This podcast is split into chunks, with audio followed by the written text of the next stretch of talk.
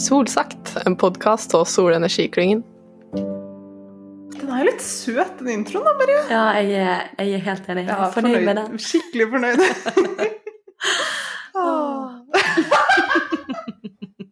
Men ja, Pernille, eh, det blir jo en, eh, en veldig spennende episode i dag. Det blir det absolutt. Ja, hva er det vi skal eh, få høre? Vi skal egentlig fortelle litt om hva solenergi er. Så hvis ikke du kan så mye om det fra før, og har lyst til å bli litt introdusert til dette fagfeltet, så er dette podkasten for deg. Og så skal vi også senere snakke med en utrolig kul dame. Det skal vi gjøre. Josefine selv. Hun kommer til å introdusere seg selv, men hun er eh, en ekspert på solenergi. Det kan vi vel ganske så trygt si. Det vil jeg si. ja. Mm. Mm. Ja. Men kan ikke du fortelle oss eh, litt nå først? Hva er solenergi? Energi det kommer jo i mange former, og solenergi det er energi fra sola i form av varme og lys. Og de vanligste måtene å utnytte denne energien på er ved bruk av solceller og solfangere. Eh, Solfangere det bruker varmen fra sola til å varme opp et sirkuleringsmedium, f.eks. vann, eh, som sirkulerer i mørke rør. Og dette sirkuleringsmediumet kan brukes til å igjen varme opp vann til dusjen, eller til vasken, eller til gulvvarme, eller også inneluft. Genialt. Det er ganske smart. Mm, det er det. Yes. Men Mm. fortell litt nå om, om solceller. Hvordan Yes. funker det? Fordi at man, sånn som du sa, man ser det rundt på taket, det er en svart plate. Men, men hva er det som egentlig skjer? Ja. Eh, starten på solceller begynte egentlig når eh, det var noen som eh, fant ut at fotovoltaisk effekt var en greie, og det skjedde på begynnelsen av 1800-tallet. Og det går rett og slett ut på at eh, når lys treffer et fast stoff, så frigjør det stoffet noen elektroner. Eh, og de elektronene, de har eh, negativ ladning, og hvis vi eh, tvinger de elektronene til å bevege seg, så får vi strøm. Mm. Fordi strøm er jo ladning i bevegelse. Mm. De vanligste typene av Mm. solceller Mm. består av eh, to lag med dopet silisium, hvor det ene gjerne er dopet med fosfor, og det andre med bor. Mm. Og du lurer kanskje på hva i all verden er bordoping av silisium? Det vi da kjenner som faste stoffer, er bygd opp av mange sånne her atomer med elektroner rundt seg som sitter sammen. Mm. Og det du da gjør når du doper silisiumen, er at du tar noen av de silisiumatomene og bytter det ut med da f.eks. Eh, boratomer. Og man sier at eh, silisium har fire valenselektroner. Det er altså de ytterste elektronene til eh, silisium. Eh, mens bor, f.eks., det har bare tre. Og eh, fosfor, det har fem. Så når du da har eh, silisium, et stoff av silisium, og bytter ut noen av elektronene med bor, så blir det jo mindre elektroner enn det det var til å begynne med, og motsatt for fosfor. Så da får du ett lag med overskudd av elektroner, og ett lag med underskudd av elektroner. Og så setter du det sammen med noen andre komponenter, og boom! Solcelle. Mm. Når sollyset da treffer det laget som har overskudd av elektroner, så blir det slått løs noen elektroner, sånn som pga. fotovoltaisk effekt. Og så har da de elektronene lyst til å gå til, den, til det laget hvor det er underskudd av elektroner. Mm. Og da setter du en eh, ledning mellom de, og tvinger de til å gå gjennom den ledningen, sånn at du får strøm i ledningen. Mm. Ja. Mm. Eh, altså, det høres jo helt, eh, helt genialt ut, egentlig. Altså, det er jo Det føles ut som en veldig enkel teknologi, men igjen, det er jo veldig komplekst. Og det som er så genialt da, er jo at man kan bruke silisium, eh, og det er jo eh, det nest mest vanlige eh, stoffet på jorden. Mm. Så, sånn sett så er jo det bra for eh, fortsettelse av, av produksjon av solceller, da. Absolutt. Mm. Og det er også et stoff vi har veldig mye av i jordskorpa i Norge. Mm. Og det skal Josefine også snakke litt mer om, eh, mer om etterpå. Yes. Mm. Hei, hei. Det er eh, Josefine her. Jeg jobber som forsker på eh, IFE, Institutt for energiteknikk, eh, med solkraft. Eh, og så er jeg også eh, førsteamanuensis 2 på Universitetet i Oslo og underviser et kurs om eh, solkraft der. Og jeg har jobbet med solkraft siden eh, jeg ble ferdig på universitetet. Vi begynner rett på sak, eh, og så lurer vi på hva skyldes egentlig den store veksten av PV-installasjoner de siste årene? De siste årene, ja. Altså for ti år siden så var det jo mye eh, Så skyldtes mye av veksten at mange land hadde politisk vilje til å nå klimamål. Sånn at de hadde insentiver. Eh, for man innså at solkraft var eh, relativt ren og fornybar, så et eh, godt tiltak. Og man hadde insentiver for å øke bruk av solkraft. Det var veldig landspesifikt. Det var veldig stor forskjell mellom landene og hvilke marked som fantes. Det hoppet egentlig litt sånn rundt eh, mellom land, avhengig av hvilke insentivordninger de hadde. Eh, men det det gjorde, samlet sett, eh, det var å bidra til eh, økt produksjonsvolum. Og økt produksjonsvolum er veldig viktig, for det gir reduserte priser. Eh, og det bidrar jo igjen da til å gjøre det lønnsomt i nye markeder, så større volum, lavere priser, eh, og dermed så har solenergi blitt billigere og billigere. Eh, og nå er det jo primært markedsdrevet. Det er den billigste formen eh, for energi i veldig mange av de store markedene vi har. Ja, for du snakker litt om, om dette her med, med insentiv i, i, i, land. Og så vet vi jo at Kina er verdensledende på solenergi med eh, mye installert PV-kapasitet. Hva er det de har gjort for å få til det her? Ja, det handler om insentiver eh, fra starten av. Så Kina var ikke noe i, Før 2009 så var ikke Kina et uh, veldig stort uh, eh, PV-marked. Eh, og rundt de tidene der så begynte de med ganske betydelige insentiver, og særlig feed-in-tariffer, som har vært et av de mest brukte eh, eller en av de mest brukte insentivordningene. Eh, og så var det i tillegg det regulative rammeverket, altså å legge til rette for at det skal være mulig og enkelt eh, å installere sol. Og nå er det vel fortsatt insentivordninger i, i, Kina, men det er klart at insentivene blir relativt sett mindre og mindre viktige. Det er i større grad markedet som styrer installasjonen. Men hvorfor gjør egentlig ikke bare resten av verden også det, da? Å, nå stiller dere jo vanskelige spørsmål, men det er jo ikke sånn at ikke mange land har prøvd på det. Tyskland prøvde jo definitivt også på det, og det var jo mye produksjon i PV-produksjon i Europa en periode. Eh, men de ble utkonkurrert av eh, asiatene på produksjonssiden.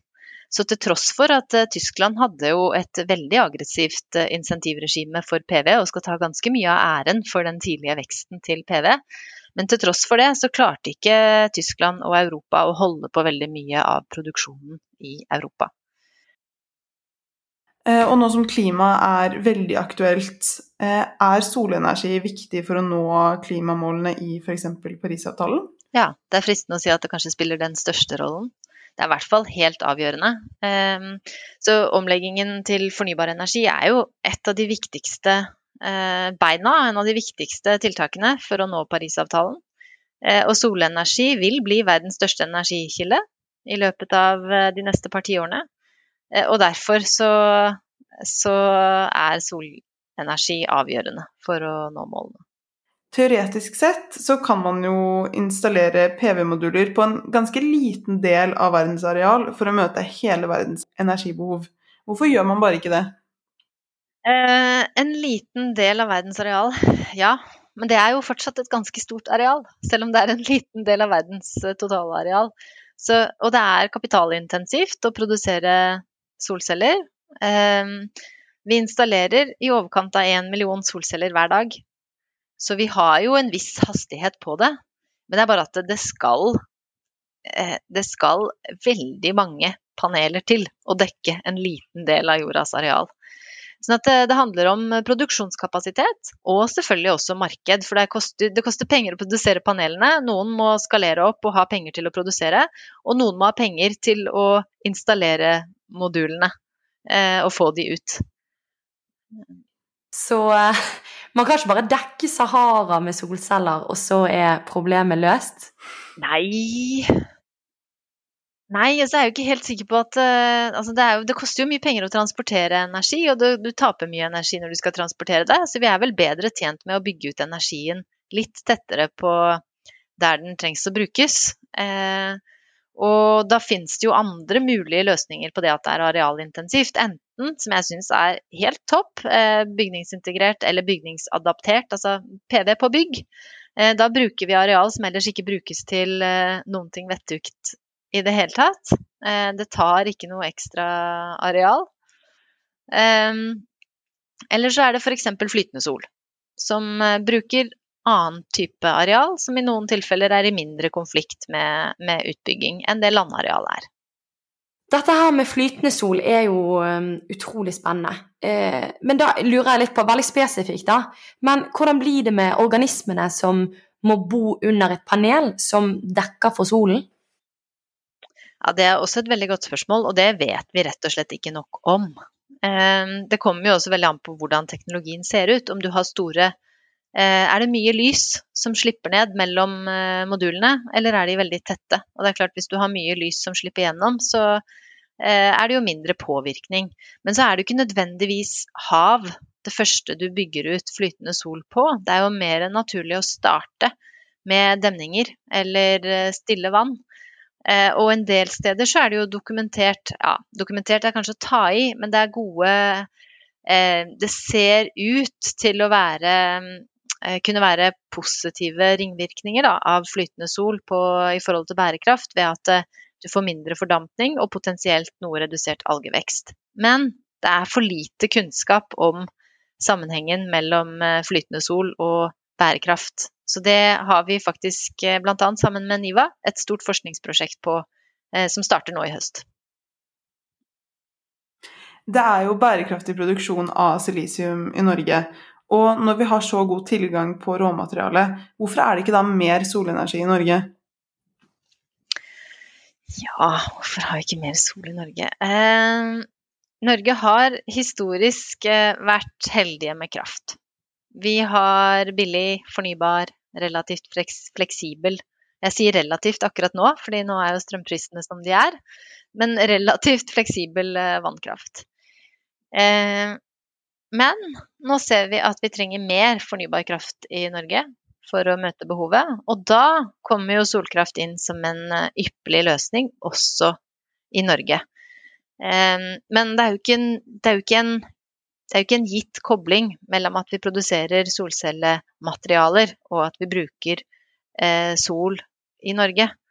Eh, så, så, til tross for veldig god silisiumhistorikk, da, for å si det sånn, eh, så har det vært eh, historisk sett et mindre behov for fornybar kraft i Norge enn veldig mange andre steder. Og det har påvirket og gjort at vi er litt sinke da, eh, nå på solkraft. Så det haster å få opp farta. Men hvordan altså, kan det bli lønnsomt for Norge og, altså fremover i tid å begynne, med, å begynne med mer solkraft? Det er lønnsomt for Norge. Um, det er um, Solkraft er i en særposisjon ved å skape Det er en billig fornybar energi som fortsatt uh, gir høy sysselsetting. Det er jo litt uvanlig kombinasjon, uh, men det er sol.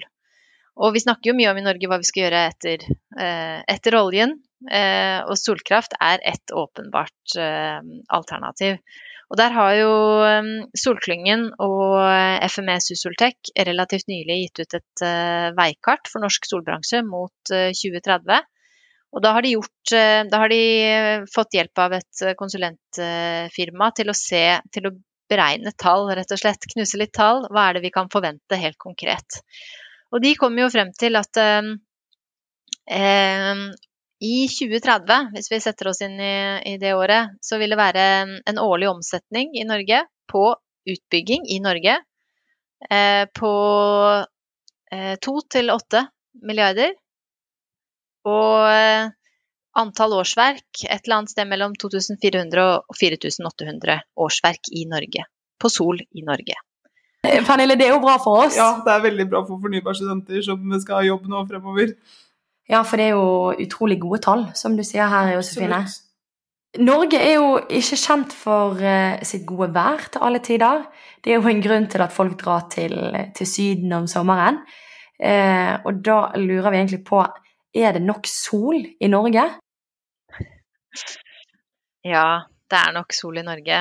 Uh, det er relativt like solforhold i Norge som i Nord-Tyskland f.eks., eh, som har en eh, veldig mye høyere utbygging av solkraft enn oss. Det har de også i Sverige og Danmark. Mye høyere utbygging enn i Norge.